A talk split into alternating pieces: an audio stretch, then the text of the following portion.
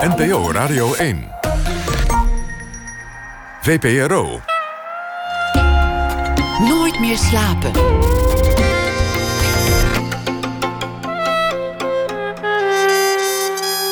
Met Pieter van der Wielen. Goedenacht en welkom bij Nooit meer slapen. Aanvankelijk in het begin lijkt het gewoon nog een popconcert. De zanger komt op, iedereen klapt. En hij oogst ook applaus voor zijn iets wat vrijblijvende, maar hoogdravende idealistische retoriek. Gevoed door dat applaus worden zijn boodschappen steeds stelliger en ook wat grimmiger. En binnen no time, ongeveer binnen drie kwartier, staat de dampende menigte te kijken naar een radicale demagoog. Oei, dat is snel geëscaleerd. De makers van Gezelschap Rosa schiepen er duidelijk genoegen in de voorstelling Waanzee. Over het grote gelijk dat al gauw gevaarlijk wordt. De voorstelling werd geschreven door theaterlegende Ko van den Bos. En Daniel Cross die is hier. Hij is de artistiek leider van het Rosa Ensemble. Hij is drummer en theatermaker. En Daniel Cross werd geboren in Melbourne in 1969. Daniel, hartelijk welkom. Leuk dankjewel, dat, je, dankjewel. dat je gekomen bent. Ja, zeker. Ja. Nou, goed, uh, goede introductie. Ja. waarom ben je eigenlijk in Melbourne? Ja, waarom ben je ergens geboren? Wat een, wat een vraag, joh. waarom ben je daar geboren? Nou, ik dacht, weet je wat, ik uh, doe het in Melbourne. Ja, mijn uh, ouders die kwamen elkaar tegen in Nederland. Maar ik heb een Engelse moeder. En ze besloten om weer terug te gaan naar Melbourne. Want daar kon mijn vader op de universiteit Nederlands geven. En zo is de familie daar ontstaan. Maar toen is de hele club weer naar Nederland gekomen... omdat hij in Groningen medievistiek kon doseren... en omdat ik een dove broer heb. En uh, het doofonderwijs in Melbourne was nog... ja, hoe zal ik dat vriendelijk zeggen? Uh, middeleeuws, denk ik, in de eind jaren 60, begin jaren 70. Dus, dus als je dat goed wilde doen, kon je beter daar vertrekken. Dat was het. Uh... Ja, ja, dus toen zijn we in Groningen terechtgekomen en daar, uh, daar is de hele familie opgegroeid. Dus ik ben volmaakt Nederlands hoor, verder. Wat, wat tragisch dat je, dat je dan een doof kind krijgt als het zo'n muzikale familie is eigenlijk. Ja, dat is bizar, ja. Ja, daar hebben we het altijd ook wel over gehad. Uh, uh, en we hebben altijd ook onze schouders er maar bij opgehaald. En uh, ik nodig hem wel uit om te komen kijken. Ik heb uh, de vorige verzamelaar van Rosa heet zelfs Efata. Wat, in het, in, wat ontwaak betekent. Hè, wat Jezus tegen die dove man heeft gezegd. En toen kon hij weer horen. En we hadden zelfs een robot die tegen hem ging zeggen ontwaak. En de cd overhandigde. En dan hoopten we dat mijn broer weer ging horen. Maar ook dat mocht niet baten. Maar dus ik ben, ik ben er eigenlijk wel vaak mee bezig. Met, met, met uh, niet kunnen horen. We hebben zelfs een voorstelling gemaakt voor mensen die niet kunnen horen. Uh, en hoe doe je dat dan als je toch zo'n muzikaal ensemble hebt? Uh, een voorstelling voor mensen die niet kunnen horen. die, die mensen kunnen dus wel zien en voelen. Um, en wat je misschien wel weet, is dat die uh, in, de, in de dove clubhuizen in Nederland hebben ze wel disco's. En dan gaat gewoon uh, de Yamo Powerboxen, die gaan op 10. En uh, alleen, alle bassen, bassen voluit. En dan voelen ze, voelen ze de muziek. En, en met veel lichten erbij hebben ze een hele goede avond. Ik ben wel eens bij zoiets aanwezig geweest. Dat je dan, dat je dan die trilling kan voelen en daarop kan dansen. En toen werd wel gezegd, doe gehoorbescherming aan. Want anders dan ja, anders is, is het ook voor jou. Dan ben je ook van de doelgroep. Ja, dus die elementen gebruikten we. Het voelen, het zien, uh, het, het uh, tactuele. En daar maakten we een voorstelling mee. Dat heette Room Black. Een hele abstracte voorstelling was het. En uh, uiteindelijk hebben we dat niet voor de over gespeeld. maar dat is dan weer een ander verhaal. Maar voor het gewone generieke publiek. Ja, ja, maar die waren heel blij. En we zouden samenwerken met een dovenorganisatie. En dat ging toen mis. En uh, is het uiteindelijk niet op die manier uh, voor doven gespeeld. Maar het was wel heel erg leuk om te maken. Ja. In, in, welke zin ben je er veel mee bezig? Je zei er denk ik wel vaak over na. Van een muzikale familie en dan krijg je een doof kind. Nou, wat, wat bij mij eigenlijk... Uh, ik ben natuurlijk opgegroeid met gebarentaal. Dus voor mij was kijken en luisteren eigenlijk altijd even belangrijk. En eh, ik had ook vaak als motto, wat ik tegen mijn muzici zei: van we hebben twee oren en we hebben twee ogen. Dus je moet, als je muziceert, ook onthouden dat er naar je gekeken wordt met twee ogen. Dus er is, er is een ontzettend grote balans tussen, tussen die zintuigen. En ik denk dat ik dat eh, die, die drive om, om er zo naar te kijken. En om bijvoorbeeld dus ook eh, vrij theatraal altijd met muziek om te gaan. En muziek als een theatrale taal te gebruiken. Wat we bij Rosa doen. eh, zou me niks verbazen dat ik dat voor mijn broer heb. Want voor jou is het heel logisch dat het visuele en het, en het auditieve in elkaar overgaan. Ja. Want, want zo was het thuis ook. Ja. Jouw vader, naast dat hij wetenschapper was, was ook een begenadigd jazzpianist, heb ik gelezen. Ja, ja, ja. Hij, hij zat in een bandje met de, de wonderlijke naam Het Fluitenkruid met DT. En eh, ik, dat, mijn vader zei dat altijd, hè, van, het is met DT. En waarom was dat met DT? Ik Nou ja, ik vroeg mij dan breken jarenlang af, waarom met DT? Tot, nou, ik denk tien jaar geleden, en hij is al bijna 40 jaar dood, bedacht ik me, oh, wacht eens even. Het is een werkwoord. Het twinkelt, het twiereliert, het fluitenkruid.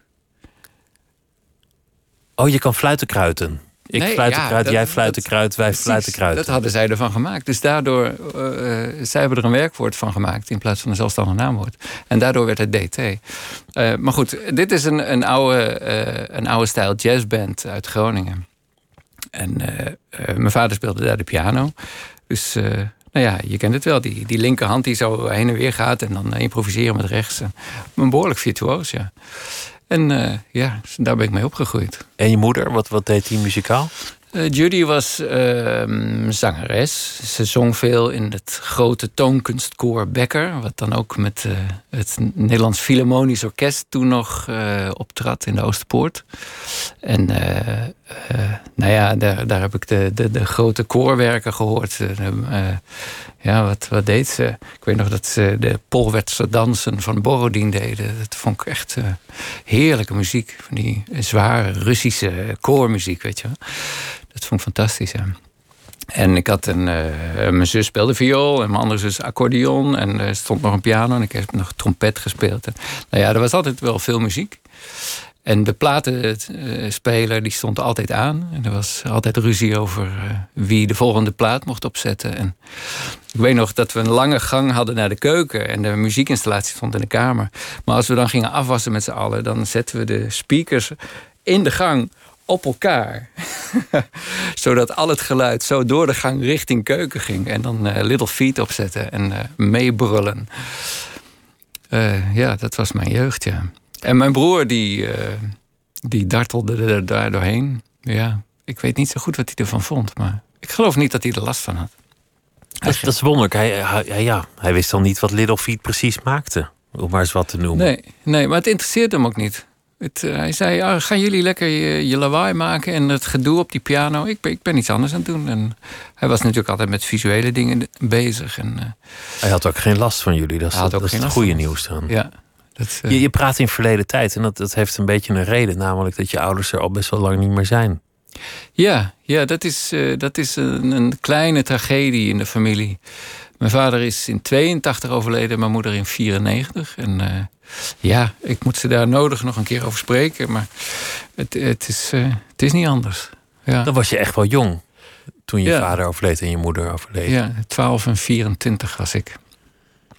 Ja, dus bij, bij mijn vader had ik echt het gevoel, dit overkomt me. En ik, eh, dit- ik, eh, ik, had, ik had geen controle meer over de zaak, weet je. Er kwamen allemaal vrienden van mijn vader. En met z'n allen waren we kaartjes aan het schrijven... om iedereen uit te nodigen voor de begrafenis. En, Was die plotseling overleden? Of, of ja, gewoon een bam, boem, eh, een eh, hersenbloeding. Dus dat was een enorme eh, explosie in de familie. En eh, dus, eh, ja, dat herinner ik me als de dag van, van gisteren natuurlijk. En eh, wat, wat, wat nu ook wel weer eh, wonderbaarlijk is... dat eh, ik was toen een kleine jongen en mijn vader was natuurlijk groot. Hij was 1,82. En, en voor mijn gevoel is hij dus nog steeds groter dan ik. Dus je, Terwijl je, terwijl je nu eh, de koppen groter zou zijn. ja, ik ben een centimeter groter dan hij. Maar hij, hij, hij blijft die grotere figuur in mijn leven, weet je wel.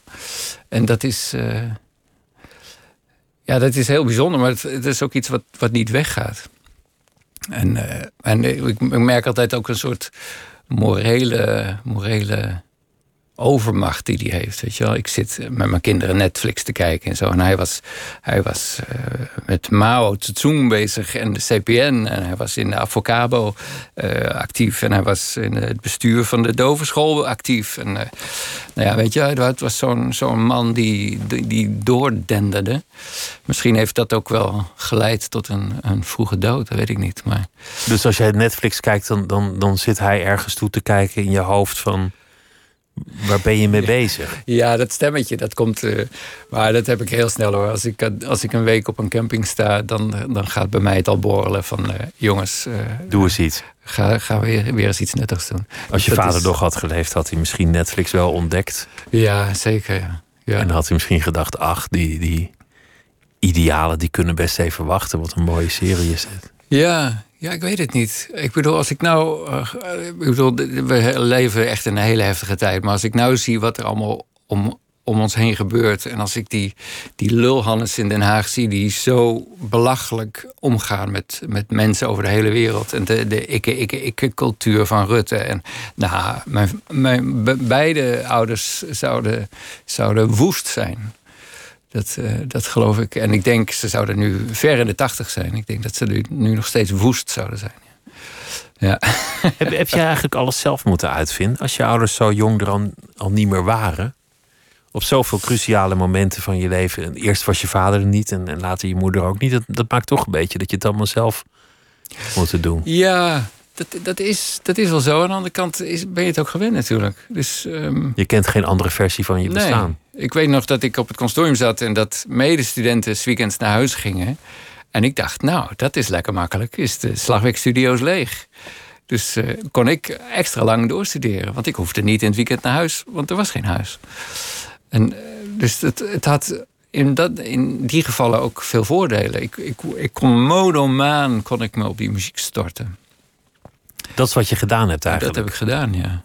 ja. Ik weet nog dat mijn moeder, er eh, was, zat ik net op het consortium in, in Groningen. En toen had ik les van Rijn Niemeyer. Dat was een van de eerste marimba-spelers in Nederland eigenlijk. Die het instrument een eerste duo hebben gegeven in de jaren zeventig. Want toen was het, eh, voor die tijd was het eigenlijk vrij onbekend instrument. En Rijn, Rijn zat in het bandje van mijn vader, uh, eind jaren zeventig. Dus mijn moeder kende, kende Rijn ook goed. Of althans, uh, ze, ze kenden elkaar. En ik weet nog dat ik een voorspelavond had gehad. En ik liep via de hal weer achterlangs de, de, de, het, het publiek binnen. En ik hoorde mijn moeder tegen Rijn zeggen... Nou, hij is eigenlijk best muzikaal geworden. en ze had gewoon gelijk. Want eh, ik was helemaal niet. Ik was een sporter. En ik was heel goed in tekenen. Ik, kon zeilboten ontwerpen en huizen bouwen. En ik weet niet. Dus ik was een knutselaar en een sporter. En plotseling was ik in een paar jaar tijd muzikant geworden. Door, door gas te geven en gewoon tien uur per dag te studeren. En waarom, waarom rolde dat balletje ineens in het vakje muziek en niet sport of zeilboot of, of god weet wat er allemaal in je jonge um, hoofd omging? Dat is een goede vraag. Ik weet het niet zeker. Ik weet dat ik als dertienjarig jongen een keer een concert van Phil Collins en Eric Clapton zag. En ontzettend onder de indruk was van, uh, van Phil Collins. En ik weet ook Want nog. was een geweldige drummer. Nu, was te gekke nu drummer, weet ik het ja. niet, maar, maar Ja. hij, hij kon meppen. Ja, te gek. En ik weet nog dat hij. eh, er was een, een drummachine, zette die aan met een handclap. En die deed, de handclap ging zo en hij jut het publiek op, allemaal handclap. En toen nam hij een, en speelde hij een, dr- een drumbreak, zoals hij dat er. En hij eindigde met zijn één precies tussen de handclaps in. Dus plotseling was het um ta, um ta, um ta. Nou, en het, door zo'n eenvoudig trucje had hij het hele publiek. Had hij gelijk mee. Had hij zo in zijn zak. Nou ja, dat zijn goede show-elementen natuurlijk van, ja, van, van zo'n man. En eh, ik denk, eh, dat heeft bijgedragen dat ik drummer wilde worden. Over demagogie en popconcerten komen we zo nog te spreken. Die twee Zeker. liggen dicht bij elkaar. Ja, ja. Maar Zappa heeft er ook een rol mee gespeeld, denk ik. Want ik heb Zappa ook... Er is een VPRO-avond geweest ergens... Eind, eh, nee, het moet begin jaren 80 geweest zijn. In 83 of zo. En ik denk dat ik toen dingen van Baby Snakes heb gezien. Ik denk dat de VPRO daar dingen van heeft laten zien. En ik vond het fantastisch. En ik zag Bosio daar drummen. En, uh, Terry Bossio. Ja, ja. En, en iedereen. En, en dat, dat heeft een enorme indruk gemaakt. En wat ook een heel leuk... Uh, wat er ook is gebeurd... en dit is gebeurd in ik denk dat ik in de derde klas van de middelbare school zat. Had ik een vriend Rutger en hij had een oudere broer. En uh, hij hoorde ons praten over muziek. En, hij zei, en die oudere broer zei van... oké, weet je wat, ik geef jou een paar platen mee naar huis. En hij gaf me mee naar huis Discipline van King Crimson... Joe's Garage van Frank Zappa... Um, Captain Beefheart, uh, hoe heet hij ook weer? Troutma's Replica. En Remain in Light van Talking Heads. Zo, nou, dat kan je een leven lang op kouwen wat hij je daarmee gaf. Nou, dat is. Dat, wat is, ik, uh, dat is wel echt, echt ingewikkelde materie ook. En als je nu Waanzee hoort, dan hoor je ze alle vier terug. Dat zit allemaal in die het voorstelling. Zit er, het zit er allemaal in, ja. En uh, ik heb laatst met een paar vrienden Remain a Light weer eens opgezet. En gewoon naar de hele plaat gaan luisteren. En uh, gewoon zonder er doorheen te praten. En gewoon eens goed te luisteren. Nou, dit is, dit is zo'n feest. Gewoon ja, en uh, dat soort platen kreeg ik dus uh, in mijn smoel geduwd. Zo van, jongen, ga, ga hier maar eens naar luisteren. Ik heb wel, ik heb wel met, met echt grote muzikanten... dat ik soms ook het idee heb dat ze me in de maling nemen. Wat, wat misschien een beetje een soort kruideniersmentaliteit is of zo. Van word ik hier niet gefopt. Maar dat heb je bijvoorbeeld met Bob Dylan. Die, die bij uitstek briljant is. Maar soms denk je ook, loop je nou gewoon de boel te foppen? Ben, ben je nou een soort semi-diepzinnig aan het doen? Ja. Ik heb, ik heb het zelfs met, met, met, met goden als, als John Coltrane. Dat ik soms denk, ligt het nou aan mij? Of, of, of is dit gewoon ook even, heel, weet je, vooral die late, hele experimentele fase. Met Frank Zappa heb ik dat ook. Dat af en toe wordt die muziek zo moeilijk. Dan denk ik, is het nog wel moeilijke muziek? Of, of ben je eigenlijk gewoon een beetje de, de, de Jos die bent op LSD los aan het gaan? Ja, dat is een goede vraag. Ik, ik, ik durf daar eigenlijk niet. Ik heb die dat, dat gevoel heb ik ook hoor. En bij Zappa heb ik ook echt, vooral bij zijn klassieke stukken, dat ik ook twijfel. En um, ik, ik, zie de, ik zie Zappa op zijn sterkst eigenlijk. Hij kan hele mooie melodieën maken, maar er moet op de een of andere manier een groove onder zitten om het te stutten. En daarom, nou ja, daarom is bijvoorbeeld Black Page te gek omdat daar zoveel ritmische kracht in zit. Maar soms gaat hij, zeker als hij die zinklavierstukken, uh, uh, die helemaal die elektronische riedelpartijen, en die heeft hij dan weer bewerkt voor, voor piano, voor ensemble modern, dan raak ik het kwijt en denk ik, ja, dit is noedeling. En hij zou het zelf ook noedeling genoemd hebben, denk ik. Als die streng voor zichzelf was op zo'n moment. Ja, Tot je het op ja. een dag wel ontdekt en het, en het wel ziet. Ja. Er, is, er is een film geweest dit jaar... die, die volgens mij nog steeds in de bioscopen draait over, over Seppa. Ja. Waar, waar heel veel interessants in gebeurt. Een van de dingen is dat hij op een gegeven moment denkt... ja, niemand doet het, dan doe ik het wel. En dat hij gaat protesteren tegen de censuur op expliciete teksten... van die... Van die uh, dat, dat was Tipper Gore die dat destijds uh, aankaartte, waar die stickers vandaan komen, hè, per, Ja. parental advisory. En dan zit hij met een, een conservatief uh, senator of zoiets. Ja, Baker was het, die mevrouw Baker. En dan zit hij in een, in een talkshow en dan doet hij dat zo grappig en zo erudiet. Ja, het is ongelooflijk. Ja. En het eindigt ermee dat dan uiteindelijk die man hem gaat uitschelden en daarbij het woord fuck in de mond neemt. Wat natuurlijk een hysterisch grappige omkering van het, van het hele discours is. Ja. Ontzettend grappig. Maar voor, voor we over muziek verder gaan, is de, is de dood eigenlijk altijd in je leven aanwezig geweest toen die zo ruw werd geïntroduceerd met het overlijden van je vader zo plotseling? Is, is daarna sterfelijkheid altijd een thema in je bestaan? Mm, nou, dat durf ik niet te zeggen. Of, ik, ik denk dat het voor heel veel mensen het geval is.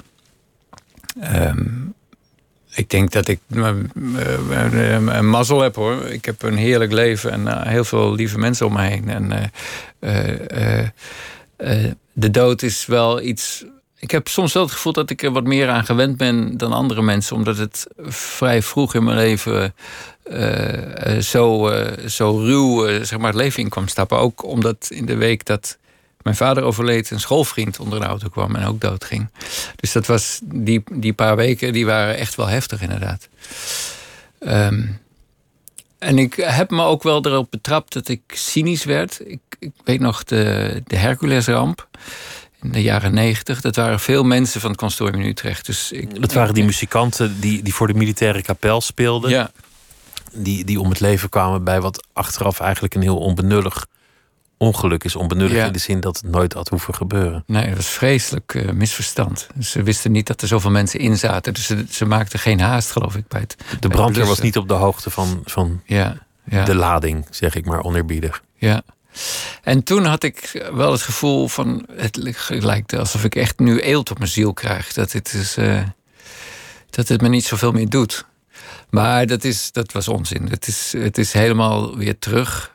Ik heb toevallig vorige week is een, eh, is een huisgenoot van mij... ik woon in een grote woongroep, is een huisgenoot overleden. Een hele jonge vrouw met een, eh, een jonge moeder ook. Dus en, nou, dat, is, dat, is, dat was zo heftig. Het is wel een van de heftigste uitvaarten geweest die ik eigenlijk ooit heb meegemaakt. Ja. Gewoon omdat het alleen maar om jonge mensen ging. En eh, ja, dat, is, dat wens je echt niemand toe. Ergens toch ook wel geruststellend dat je, dat je gewoon nog rouw kent en voelt. En, en je zou toch niet moeten denken dat je echt in de cynische variant kan... waarin je denkt, ach, nou ja, ik snap het allemaal wel en, en zo gaat het. Ja, ja dat, is, dat is zeker zo, ja. En hoe, het, eh, ja, hoe ik het in mijn werk gebruik. Ik, veel, veel in mijn werk gaat over goed en kwaad eigenlijk. En eh, dat komt in, in verschillende voorstellingen van Rosa terug. Eh, in Waanzee eigenlijk weer hetzelfde verhaal. Eh, de, wat is goed en wat is kwaad? Wat is, eh, wat is God en wat is de duivel? Eh, eh, ik heb een voorstelling met Janja van der Wal gemaakt. Het ging over religie en, en hoe, hoe het eh, hoe religieus extremisme uit de hand kan lopen. En hoe je niet in naam van een God eh, zeg maar de verantwoording van je af kan schuiven. Eh, nou, dat soort elementen komen de hele tijd terug. En het in, in Waanzee natuurlijk ook hetzelfde verhaal weer. Mensen willen goed doen. En nou ja, er is zo'n eh, gezegde, hè, de, de, de weg naar de hel is geplaveid met goede bedoelingen. Dat is waanzin natuurlijk. Het gaat helemaal mis. Maar het zijn mensen, ja, het zijn mensen zoals ik. ik bedoel, weet je wel, het zijn mensen Maar, die... maar de verzetsheld en de terrorist liggen dicht bij elkaar. Ja, ja. Soms denk ik van de verzetsheld dat hij tegen, niet tegen wil en dank, maar per ongeluk verzetsheld is. Eh, omdat je gewoon op het stomme moment iets stoms deed en toevallig pakte dat goed uit. Eh, en, nou ja, dus, dus er, zijn, er zijn zoveel schakeringen. Het is één grote grijze massa natuurlijk. En, eh, Maar hoe is goed en kwaad zo'n thema in jouw leven geworden? En, en hoe heeft dat dan te maken met, met die sterfelijkheid? Nou, misschien heeft het ook wel met mijn vader te maken hoor. Dat ik zo overtuigd was van zijn gelijk in dingen. Hoe hij, hoe hij demonstreerde tegen de F-16 en de kruisraketten. En, eh, en ik was het zo met hem eens dat ik dacht... Hij, hij heeft echt in de gaten hoe het zit en wat goed en kwaad is. Maar hij stemde CPN. En ik weet nog dat er in de jaren zeventig een Time magazine bij ons op tafel lag. Met het, met het gezicht van Mao voorop. En hij langzamerhand ook erachter kwam van... Wacht, wacht eens even. Dit Zo, is, zo ideaal is het allemaal niet. hè? helemaal... Dit is de, de grootste schurk die we... Die we nou ja, Stalin en Hitler eh, en Mao... dat zijn wel de, de drie grootste schurken van de 20e eeuw. Vermoed ik toch. In getallen zeker. Ja. En mijn vader is daar gewoon ingetrapt. En toen heeft hij het communisme vaarwel gezegd. Maar, eh, en ik vertrouw mezelf gewoon niet. Eh, eh, dat is natuurlijk eh, om het op mezelf te betrekken.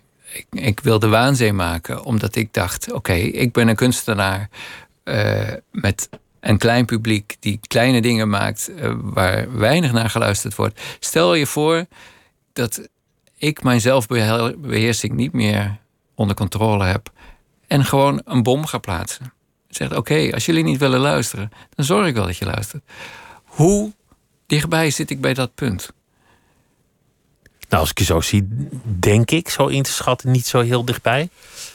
Nee, maar dat komt omdat ik nog te eten heb, omdat mijn kinderen naar school kunnen, omdat ik een dak boven mijn hoofd heb. Nou, Maar wat dat, dat is niet waar, dat- want de, de, de kapers van 9-11 waren allemaal multimiljonair. Dus radicalisering kan in, in vele elementen schuilen. Ja, ja maar ik, ik ben wel heel erg benieuwd eh, hoe dat bij mij zou gaan. wanneer, wanneer ik Wanneer het goede overgaat in het kwade. Ja, wanneer ik idealisme in, in, dat ik, terreur. Ja, dat ik echt dacht, en nou is het genoeg. Nou wil ik, nou gaan we actie ondernemen. En dat is een hele spannende gedachte natuurlijk. Omdat ik als, uh, als good mens uh, natuurlijk denk, uh, ja, maar wacht eens even. ik, ik, ik, zie een verenigd Europa voor me waarin we, waarin we uh, alles uh, beter gaan regelen dan tot nu toe. En het democratischer aan gaan pakken. En ik wil vooruit en ik wil multicultureler en ik, uh, ik wil globale belasting. Maar ja, dat, is natuurlijk, dat zijn wensdromen. Zeker. Het, met, dat, is, dat is een ontzettend interessant thema, want het zit toch in dat grote gelijk, het gevaar. Ja. Dat je zo overtuigd bent van je eigen grote gelijk dat een ander moet sterven of moet wijken of uh, ja. de mond gesnoerd moet worden.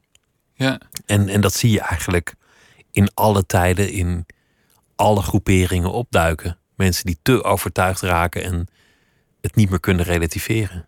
Ja. Tegelijk als je alles relativeert, dan, dan krijg je zeker weten niks voor elkaar. Nee, soms moet je fundamenteel zijn om, om, uh, om, om, om grote doelen te bereiken.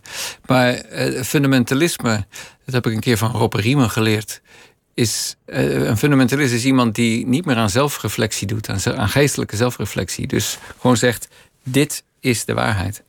En zodra je op dat punt aan, aanbelandt en je ziet het heel veel om ons heen natuurlijk. Gewoon dag en nacht. Gewoon hier op, uh, in Nederland, op Twitter, overal.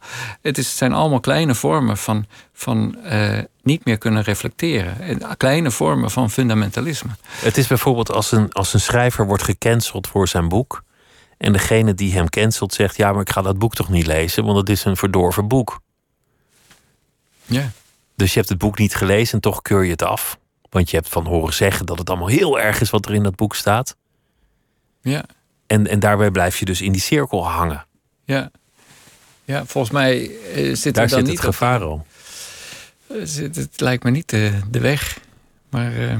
Je hebt ook een, een, een, liedje uit de voorstelling. En misschien is dat wel leuk om uh, daar een gedeelte van te laten horen. En dat, dat heet ook Good Mensch. Ja.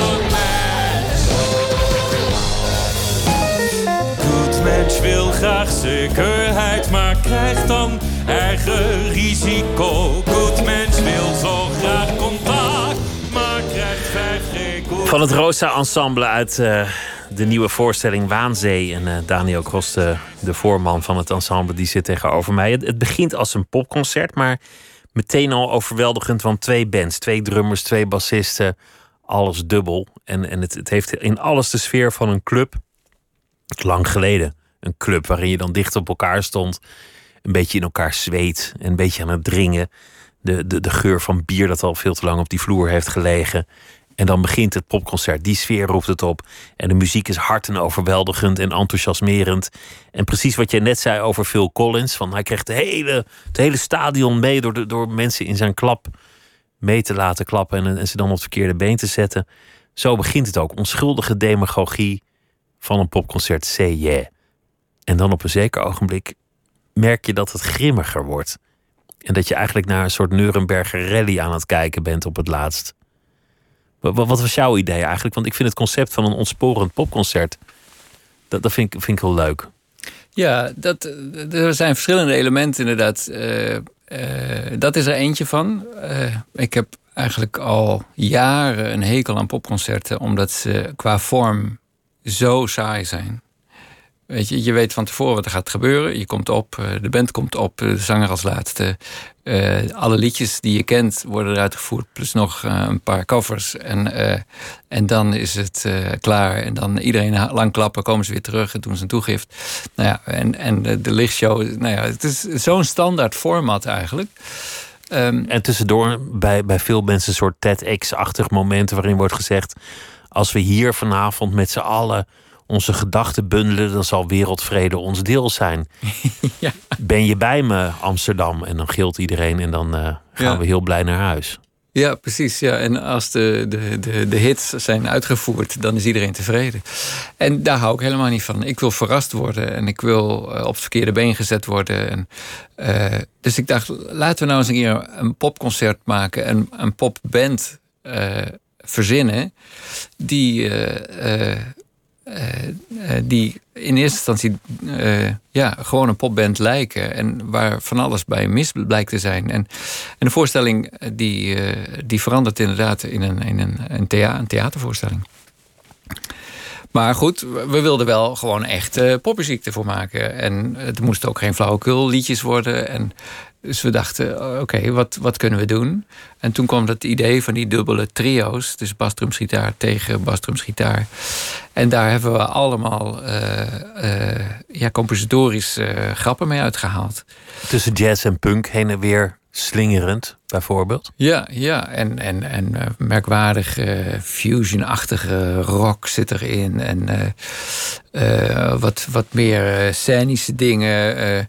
maar er zitten stukken in waar we de ene helft van de band in een ander tempo speelt, zelfs dan de andere helft van de band. En of waar, nou ja, er zit heel veel polyritmiek in, dat er, dat er verschillende maatsoorten, soms wel drie tegelijkertijd over elkaar heen rollen. En, um, ja, dat zijn dus ook de, de, de, de grappen die we uit de moderne muziek halen, die we in, in het pop-idioom uh, gestopt hebben, zeg maar.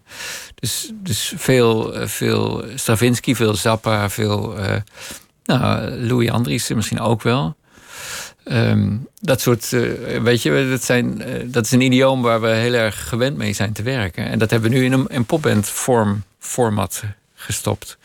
Had je eigenlijk ook gehoopt dat het, dat het zou kunnen in die oude setting van de, de popzaal? Ja, dicht op elkaar en dan, en dan zweten en God, elkaars elleboog in je ribben? Ja, en van die, dat je voeten blijven plakken aan de vloer.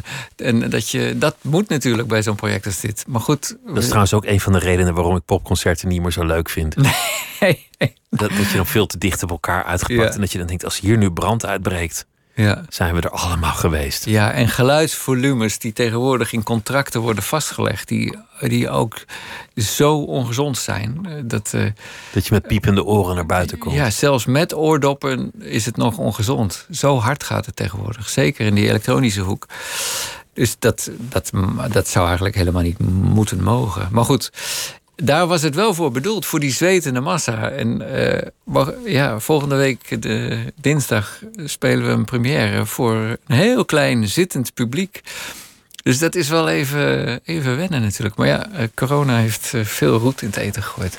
Ja, dat gesprek hebben, hebben we een paar keer al gevoerd uh, ja. in dit programma. Laten we het daar niet weer over hebben. je, je, je, zei een paar dingen. Even, even over je vader zei. Van, van dat, je, dat jij dan Netflix zit te kijken en dat je af en toe denkt wat zou hij ervan vinden? Want hij was zo ontzettend betrokken en zo ontzettend bevlogen voor, zijn idealen. Maar het was natuurlijk ook een andere tijd. Ik denk dat mensen begin jaren tachtig veel overtuigder waren. Dat, dat er iets te veranderen viel, dat, dat idealen iets teweeg zouden brengen. Ik denk dat tegenwoordig er ook een soort moedeloosheid ingeslopen is. Misschien bij de jongste generatie niet meer. Die, die, die zijn wat dogmatischer. Maar ik denk dat veel mensen ook wel denken: ja, bij, bij wie kan je eigenlijk aankloppen? Ja. Wat kan je eigenlijk doen? Ja, dat herken ik wel, ja, absoluut. Het is. Uh, ja, wat, kan je nog doen? Waar, waar zou je moeten. Waartegen zou je nog moeten demonstreren, weet je wel? Waar is het goed en waar is het kwaad? Ja, dat is heel, uh, heel onduidelijk geworden. En ik heb zelf heel veel moeite met de, de, desinformatie die alom vertegenwoordigd is op het moment. En de, uh, de makkelijke retoriek, dus ook een ja, vorm van desinformatie. Ja. ja, we hebben een soort het, het, het, nou ja, het Twitter-algoritme, dat alles wat maar eh, ophef veroorzaakt eh, bovenaan komt drijven, dat is overal. Weet je? Dat, dat is in de supermarkt, dat is op, op straat, in het verkeer, in de trein. Alles wat maar ophef veroorzaakt, is het belangrijkst. En eh, dat, dat is natuurlijk niet zo. Dat, is, Dat leidt af van de dingen die echt belangrijk zijn. ja. Want eh, vaak zijn de, de mensen die al die, voor die ophef zorgen, is, is natuurlijk maar 2% van, van, van iedereen. En, en we denken dat dat alles is. Terwijl de, de werkelijkheid is andersom. Eh, Er is natuurlijk veel minder, er gaat veel meer gewoon goed dan, dan, dan wat, wat we denken. En eh, wat dat betreft hou ik wel van bijvoorbeeld zo'n club als de correspondent, die dat probeert om te draaien. En gewoon zegt: laten we nou eens kijken naar wat er wel goed gaat. En dat zetten we af tegen dingen die niet goed gaan. En over die dingen proberen we na te denken hoe het beter zou kunnen. Dat vind ik een, eh, een veel handiger- houding. ja, dat is toch eh, eh, constructiever. Maar goed, dat kan niet in een clickbait. Dat kan niet in een seconde op Twitter. Dat kan niet in vijf minuten Matthijs van fucking Nieuwkerk. Weet je wel? Dus dat, dat, het is niet hapklaar. Je moet dan iets gaan lezen en je daarin verdiepen. En dat kost tijd. En dan blijkt het nog ingewikkelder en nog ingewikkelder. En zelfs na een levensstudie zou je het nog niet weten hoe het echt zit. Precies. En je hoort het van eh, heel veel mensen die juist ontzettend veel weten over iets, dat ze steeds minder weten. Dat vind ik zo mooi als mensen dat zeggen. Ja, maar dat is juist de bias. Dat, dat de Ja. mensen die het minst ervan weten, de grootste bek hebben, omdat ze die zich kunnen permitteren, omdat ze de kennis niet hebben. Ja, En de mensen die er echt verstand van hebben, die zeggen: Nou, ik weet er eigenlijk niet zoveel vanaf. nee. En die durven ook geen uitspraken meer te doen, omdat ze niet helemaal zeker zijn. Want het is niet helemaal hun vakgebied. Nou ja, dat, die voorzichtigheid gaat ook wel heel ver op het moment. Maar ik hou wel van, van mensen die af en toe zeggen: Ik, eh, ik weet het niet. En ja, ik, ik weet het ook niet meer hoor. Nee, als je kijkt Ja. naar zo'n Afghanistan, dan, dan Ah, dat is toch erger ik me er natuurlijk kapot aan. Zelfs veel mensen. En, en je kijkt met schaamrood en je denkt: hebben we na twintig jaar mensenlevens en het was allemaal zo belangrijk. En, en al die grote woorden, vrede, democratie. En ineens is het Ja. helemaal niet meer belangrijk. En dan Ja. haast je je weg. En En mevrouw Bijleveld die zegt ja, maar we hebben ze toch in twintig jaar tijd laten zien hoe het moet. Dus het heeft toch zin gehad. dat is tragisch, toch? Zo'n uitspraak. Godsamme, flikker op zeg. Maar ik, ik zou niet durven claimen dat ik een betere oplossing heb op dit moment. Nee, nou ja, nu eh, mensen terughalen. Mensen gewoon levens redden. Gewoon stomweg levens redden. Dat lijkt me nu het belangrijkste. En niet Redden wie je redden kan. redden wie je redder kan, ja. En niet gaan kijken, nou, ze moeten eens even, even, even nadenken over wie wel en wie niet. En Jantjes, ja, dat weten we nou. Laten we daar nog eens even achteraan bellen. Kom zeg, wat een... Het is eh, schandalig. Ik vind het echt schandalig. Maar je zou maar je leven hebben gegeven voor deze. voor dit theater. Ja, dat is ook heel tragisch, ja. Ja, La- laten we even iets vrolijks, want je, je, had, het over, je had het over Beefheart. En we, zijn hier ook voor escapisme. En ehm, je hebt ook een Beefheart. voorstelling gemaakt over Captain Beefheart. Hij is heel bekend geworden ook vanwege werk met Sappa. En wat best wel psychedelisch en raar en ontwrichtend is. Dus het leek me zo leuk om een liedje te laten horen uit zijn vroege tijd. Toen hij gewoon rock'n'roll maakte.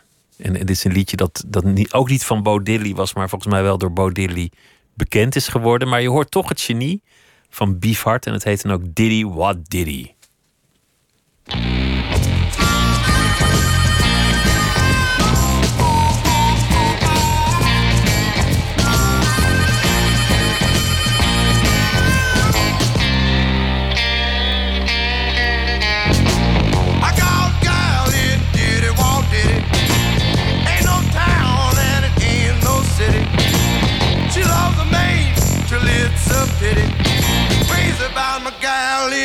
In did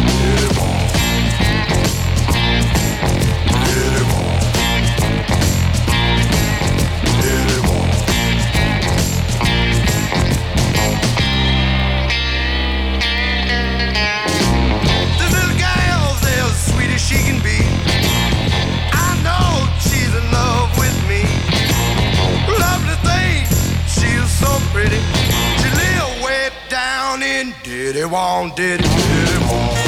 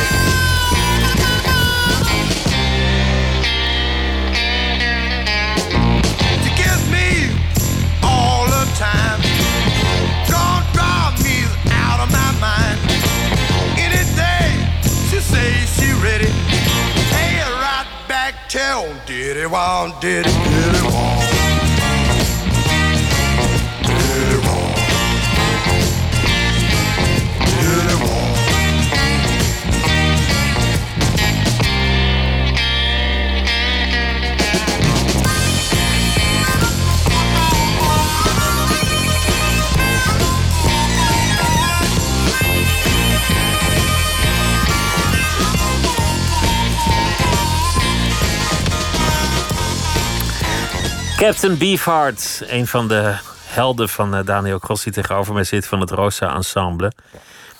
Ja, dit, is gewoon rock and roll eigenlijk hier. Dit is, eh, Ja, dus die stem is zo lekker. dit is net Howlin' Wolf. Ja. Hoe die dat voor elkaar heeft gekregen, weet ik niet. Maar eh, het, het is. volgens mij is, is hij ook de, de, de beste zanger die Zappa ooit gehad heeft. Hij heeft natuurlijk vrij veel met Zappa mee, meegespeeld. En, eh, en met zo'n stem was het natuurlijk gewoon altijd prijs. Zoals Hot Rats en zo. Hot Dat- Rats is een Ja. waanzinnige plaat. Ja. Ja, dat vind, Ik, dat vind ik tof. Ja. Je, maar je, je kwam op het conservatorium. Je was helemaal geobsedeerd door, door, door drummen. En, Ja, als marimba andere- vooral. Ik was, eh, Marimba was het. ja, ik was marimba virtuoosje. En dan gingen Een anderen daar en ouders dacht je, nou mooi, dan heb ik het drumlokaal. Kan, kan ik lekker dooroefenen. Ja, en ik was vriendjes met de conciërge. Dus ook in de zomervakantie mocht ik de sleutel. eh, en dan glipte ik naar binnen. En dan wist ik de code van het alarm en zo. Had je, had je enige visie op je toekomst? Want voor, voor een muzikant, ja, die, die wordt natuurlijk een hele studietijd een beetje bang gemaakt van nou, misschien kun je ergens muziekleraar worden en anders dan eh, moet je daarna nog echt werk zoeken. Eh, dat is een goede vraag. Ik heb nooit geambieerd om drumleraar te worden of zo. Ik, ik heb dat natuurlijk voor mijn stageperiode op het consortium wel gedaan. En ik vond het vreselijk. Eh, dus ik was altijd gewoon met muziek bezig. En met muziek uitvoeren. En ik heb denk ik geluk gehad dat ik... eh, leuke mensen tegenkwam die, die projecten ontwikkelden. Ik weet nog dat er in, Gro- in, in Groningen had je Gamma. Een ensemble Groningen amateurmuzici maken avant-garde. Nou, daar heb ik wat projecten mee gedaan. En ik was 18, 19 of zo. En ik dacht, dit is het, weet je wel. We deden eh Kurt projecten.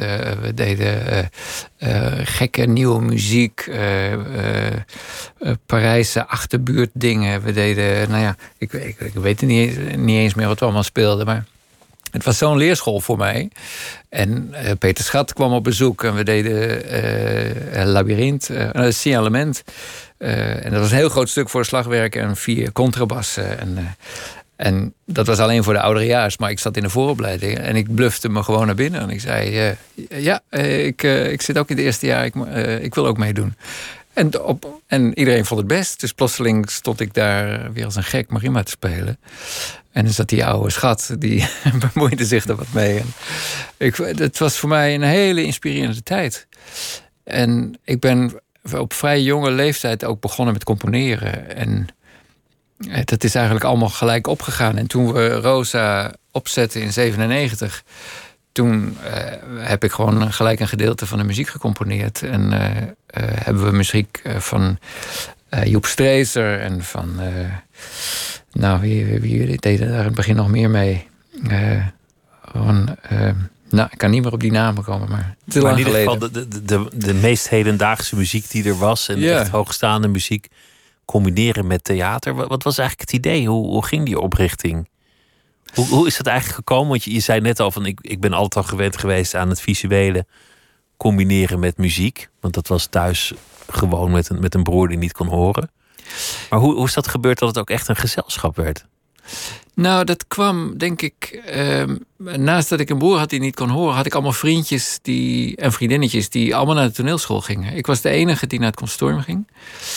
Dus ik speelde ook met hun voorstellingen en ik was heel erg geïndoctrineerd ook door hun kijk op, op podiumkunsten en, en de en veel visuelere kijk natuurlijk van een, een, een, theatermens dan eh, wat wij op het consortium eigenlijk meekregen. Dat hielp natuurlijk ook mee, maar ehm, ik heb bijvoorbeeld het eerste waar ik me aan ergerde als ik naar muzici keek, waren lessenaars. Ik heb me altijd geërgerd aan lessenaars. Hoe kunnen Van- vanwege mensen. de bladmuziek. Ja, bladmuziek. Mensen die gefocust spelen, maar hun focus is niet daar bij het publiek. Zit hier. zit, ze kijken recht naar beneden, naar hun bladmuziek.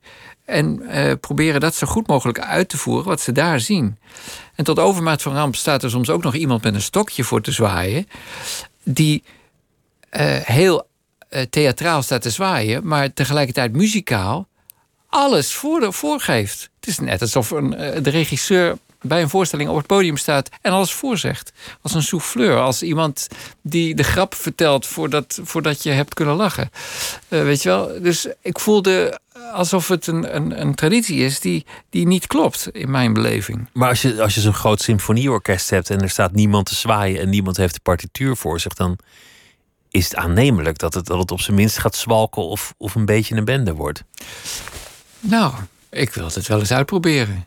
Ja, Ik denk dat moet je een keer doen als, ik als denk dat je gelijk is. hoor. Maar er zijn zoveel. Ik heb met Rosa een methode ontwikkeld dat we eh, een computerprogramma, Pro Tools, wat je normaal gebruikt om dingen op te nemen en te bewerken. Dit staat hier ook in de studio. Ik, oh, nee, daar wordt iets anders eh, wordt neergeknikt. Maar We- ik we gebruik Pro een Tools. ander eh, programmaatje, maar om, om mijn muzici weer aan te sturen. Want Pro Tools kan ook gewoon geluid afspelen. Dus die kan naar alle muzici verschillende eh, oortjes eh, eh, bespelen. Met clicktracks, met, met tonen om in te zetten qua zang. Met tekstcues, met bewegingscues. Je, je kan een heel symfonieorkest laten bewegen door het concertgebouw... zonder één dirigent. Nou, dan heb je theater. Maar hoe kwam de gedachte van. Wat was het moment dat je dacht: hé, hey, ik, ik doe veel voor toneel. Ik hou van dat theatrale. Ik hou niet van partituren en naar een lessenaar kijken. Ik wil dat je, dat je publiek aankijkt, dat er iets gebeurt. Wat was het moment dat je dacht: nou, oké, dit wordt mijn ensemble. Zo gaan we het doen. Nou, eh, bij Rosa begon het natuurlijk als gewoon een klein clubje studenten die nieuwe muziek aan het uitvoeren waren. En dat met, met heel veel enthousiasme deden. Eh, een van de eerste muziektheatrale projecten die we deden was met August Willemsen. Eh, een, eh, de oude vertaler van de. Van De Braziliaanse vertaler. de Braziliaanse brieven die hij geschreven heeft. Maar ik, ik bedoel Pessoa en inderdaad eh João Guimarães Rosa. Dus de naamgever van ons ensemble. Met August hebben wij Diepe Wildernis de Wegen uitgevoerd. En dat was een, sextet voor verteller, eh, eh, of een, een, een, muziekstuk voor verteller en sextet. Ehm, dat was eigenlijk de eerste stap, omdat ik daar eh, in wilde laten zien dat je met vertelling en begeleide muziek eigenlijk een hele mooie theatrale taal kon maken. Ehm, dat, dat is eigenlijk de eerste stap richting muziektheater geweest. En Want, want August die, die heeft heel veel gedaan en, gereisd. Maar hij is, hij is vooral bekend geworden, denk ik, als vertaler van Portugees-Braziliaanse literatuur. Los Ja. van dat hij zelf ook heel mooi kon, kon schrijven. Maar dat boek wat je nu noemt, is, ik heb het nooit gelezen, maar dat is volgens mij heel ingewikkeld. Diepe Wildernis de Wegen. Ja, dat is volgens mij Ja. niet een boek dat je, dat je even op vakantie voor in de trein meeneemt en dan eh, of in je hangmat. Nee, nee, dat is een listig boek. Het is, eh, het is een spectaculair boek. Eh, als je er doorheen bladert, dan eh, zie je al gelijk dat er geen hoofdstukken zijn. Er zijn eh, geen alinea's, er zijn geen witregels. Het ratelt Hele- gewoon door. Het ratelt door. Het- de eerste pagina bovenaan is aanhalingstekenen openen. Aan het eind is het aanhalingstekens sluiten. Je hoort één kant van een dialoog. En dat gaat maar door. Maar het neemt je mee. En het neemt je mee eh, op een. eh, eh, nou, op, op, op allerlei niveaus. Het, is, het, het, het wordt een heel spannend verhaal. Maar aan de andere kant is het literair gezien heel erg interessant. Omdat Rosa probeerde de taal te vernieuwen. Dus eh, wat hij deed was je eigenlijk uitlokken om nog beter te lezen. Om de zin nog een keer te lezen. Om nog een keer. Ga, ga staan en lees het hardop aan jezelf voor. En dan komt de smaak van honing op je tong. Als je het woord nog een keer uitspreekt. Dat, dat was zijn manier. En hij deed dat door je, door je steeds, wat Biervaart ook doet. En wat we met het Rosa Ensemble ook proberen te doen. Steeds op een verkeerd been zetten. Steeds de poot onder je vandaan te zagen. En je moet, je moet, je moet bij, bijsturen, want anders val je om. En op die manier schreef hij. Dus hij gebruikte neologismen, hij gebruikte gekke uitdrukkingen uit de analfabete eh, eh, eh, eh, boerendialecten in de, in de Minas Gerais, in het Amazonegebied. En, eh, en zo bouwde hij een, een taalwereld op die ook voor de Brazilianen echt pittig was om te lezen. Want je moest echt inderdaad alle zeilen bijzetten. En August heeft dat heel mooi vertaald naar het Nederlands. En eh, ja, als je op, op, op regel 1 begint, dan, dan ben je verloren. Je bent echt verloren. Want eh, al de eerste regel die is, is merkwaardig en duister. En het gaat over een, een, een, een kalf wat duivels ogen had. En, eh, maar de, zin, de zinsbouw klopt niet. En er zitten rare woorden. En uh, zie hier, zie daar. En, eh, nou ja, eh, het is heerlijk om te lezen. En ik dacht, wat knap ook om, om dat dan te vertalen trouwens. ja, ja, Guus heeft het in negen maanden vertaald. Hij was er altijd trots op, want dat is de geboorte van een kind voor hem geweest. En eh, Guimarães Rosa heeft het in negen maanden geschreven. En wij hebben het, nou, misschien ook wel in negen maanden omgebouwd tot een, eh, een theatertekst. Hij, eh, August woonde toen in Melbourne. Dus dat vond ik heel erg leuk dat hij in mijn hometown was. En ik was in Nederland en we faxten heen en weer stukken tekst. En ik faxte stukken muziek terug. Die kon hij, eh, die kon hij op de piano wel enigszins ontcijferen. Want August was een goede pianist. En zo hebben we eh, een, een, een, een, eigenlijk een, een fractie van de tekst gebruikt. Want we hadden maar een uur natuurlijk op een podium. Eh, maar het is een hele mooie dwarsdoorsnede eigenlijk van het boek geworden. En dat heeft hij meestelijk gedaan, ja. Dat, dat is alweer bijna 25 jaar geleden. Het is ongelooflijk, ja. Valt, valt het wel eens als, als een soort deken over je heen van... ik zit al 25 jaar bij hetzelfde gezelschap. Ja, ja. En dat is soms te gek. En soms denk ik... Ga nou eens wat anders doen, man. Ga nou eens... ga... Want dat hoort, dat is een soort etiketten dat je, dat Ja. je vaak iets anders gaat doen. Ja. En dan merk ik ook wel dat ik dan langzamerhand me afvraag... durf ik nog wel iets anders te doen? Weet je wel? Ik heb altijd op de barricade gestaan... en, eh, en heel veel energie in het ensemble gestopt. En nou eh, word ik een jaartje ouder en denk ik... ja, kan ik nog wel weer iets nieuws beginnen? Kan ik, heb ik nog zoveel energie om weer... Zou je het willen? Ja, dat moet natuurlijk. Ja, Er moet, er moet nog een keer iets anders ja, gebeuren. het lijkt me heel leuk om. Ik zou wel eens een keer met een groep willen. heel eh, actief willen. of heel intensief willen samenwerken. waarin ik niet de baas ben. Waarin ik orders krijg en zegt. die, eh, Gewoon als een, als een sideman om in, in, Ja. eh, in jazztermen te praten. ja, ik zou heel graag bij Wilco een, eh, een, eh, een jaartje op tournee gaan. Bij de band. De band Wilco, ja. Dat is, dat is een, een vrij hoog ge- geplaatste ambitie, denk ik. Maar ja. ik denk dat ik heel goed daarin zou passen. Met mijn. eh, ik, ik maak veel lawaai. En dan die Eh, mooie lange gitaarsolo's en jij lekker bam. Ja, en dan ben ik niet de drummer, maar dan ben ik degene die de, de noise veroorzaakt. Met, eh, met, ik, ik hou heel erg van, van metalen, slagwerk, koebellen, vibrafoon, eh, overstuurde dingen, elektronica, modulaire synthesizers. En daarin zou ik denk ik bij Wilco een hele mooie nieuwe kleur kunnen aanbrengen. Dus ik heb wel eens aan zitten denken, ik moet die jongens een brief schrijven en zeggen, mag ik mee? Maar ik durf niet. Ja, gewoon doen. Ja. Je hebt het nu al uitgesproken. Ja, ik, het, het is nu al op de radio geweest, dus nou moet ik het maar eens gewoon doen, ja.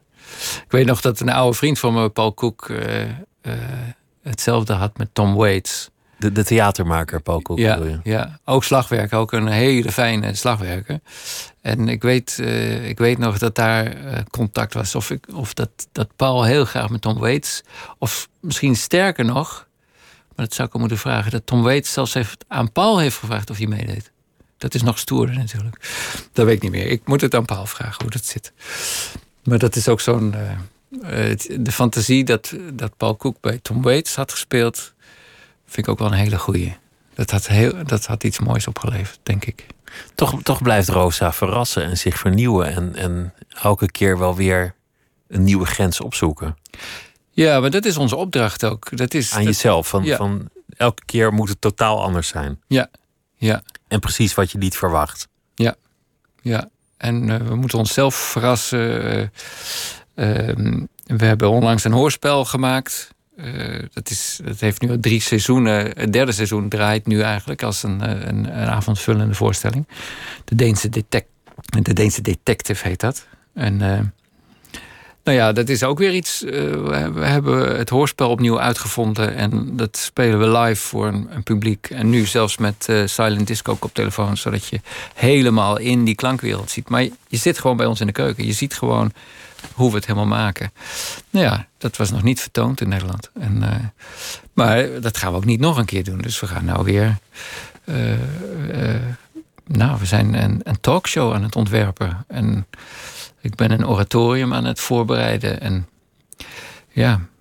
Maar goed. eh, Dus het Beef- zijn elke ja. keer een be- bepaald soort formats. Zo- Zoals je het format hebt van het popconcert of van het klassieke concert of van eh, de talkshow of, eh, Ja. of de hoogmis.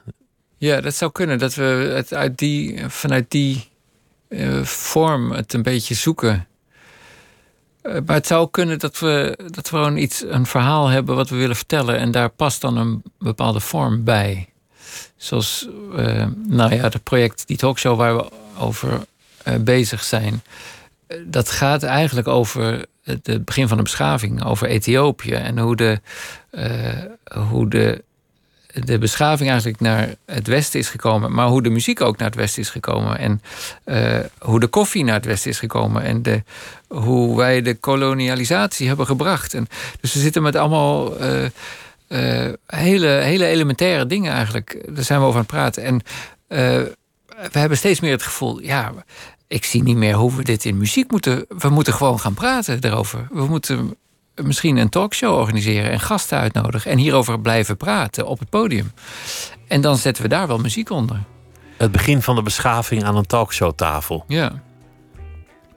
Ja. Ik vind ik vind het wel interessant. Twee woorden die je zelden in één adem hoort. Talkshowtafel en beschaving. Maar dat is misschien flauw. Maar Ja, dan wordt misschien tijd niet.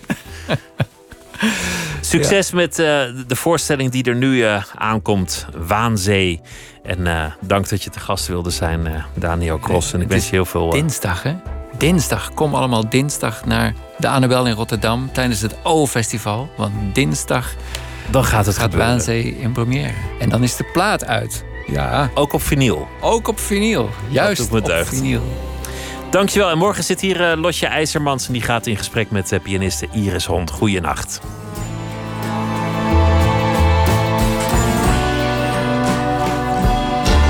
Op Radio 1. Het nieuws van alle kanten.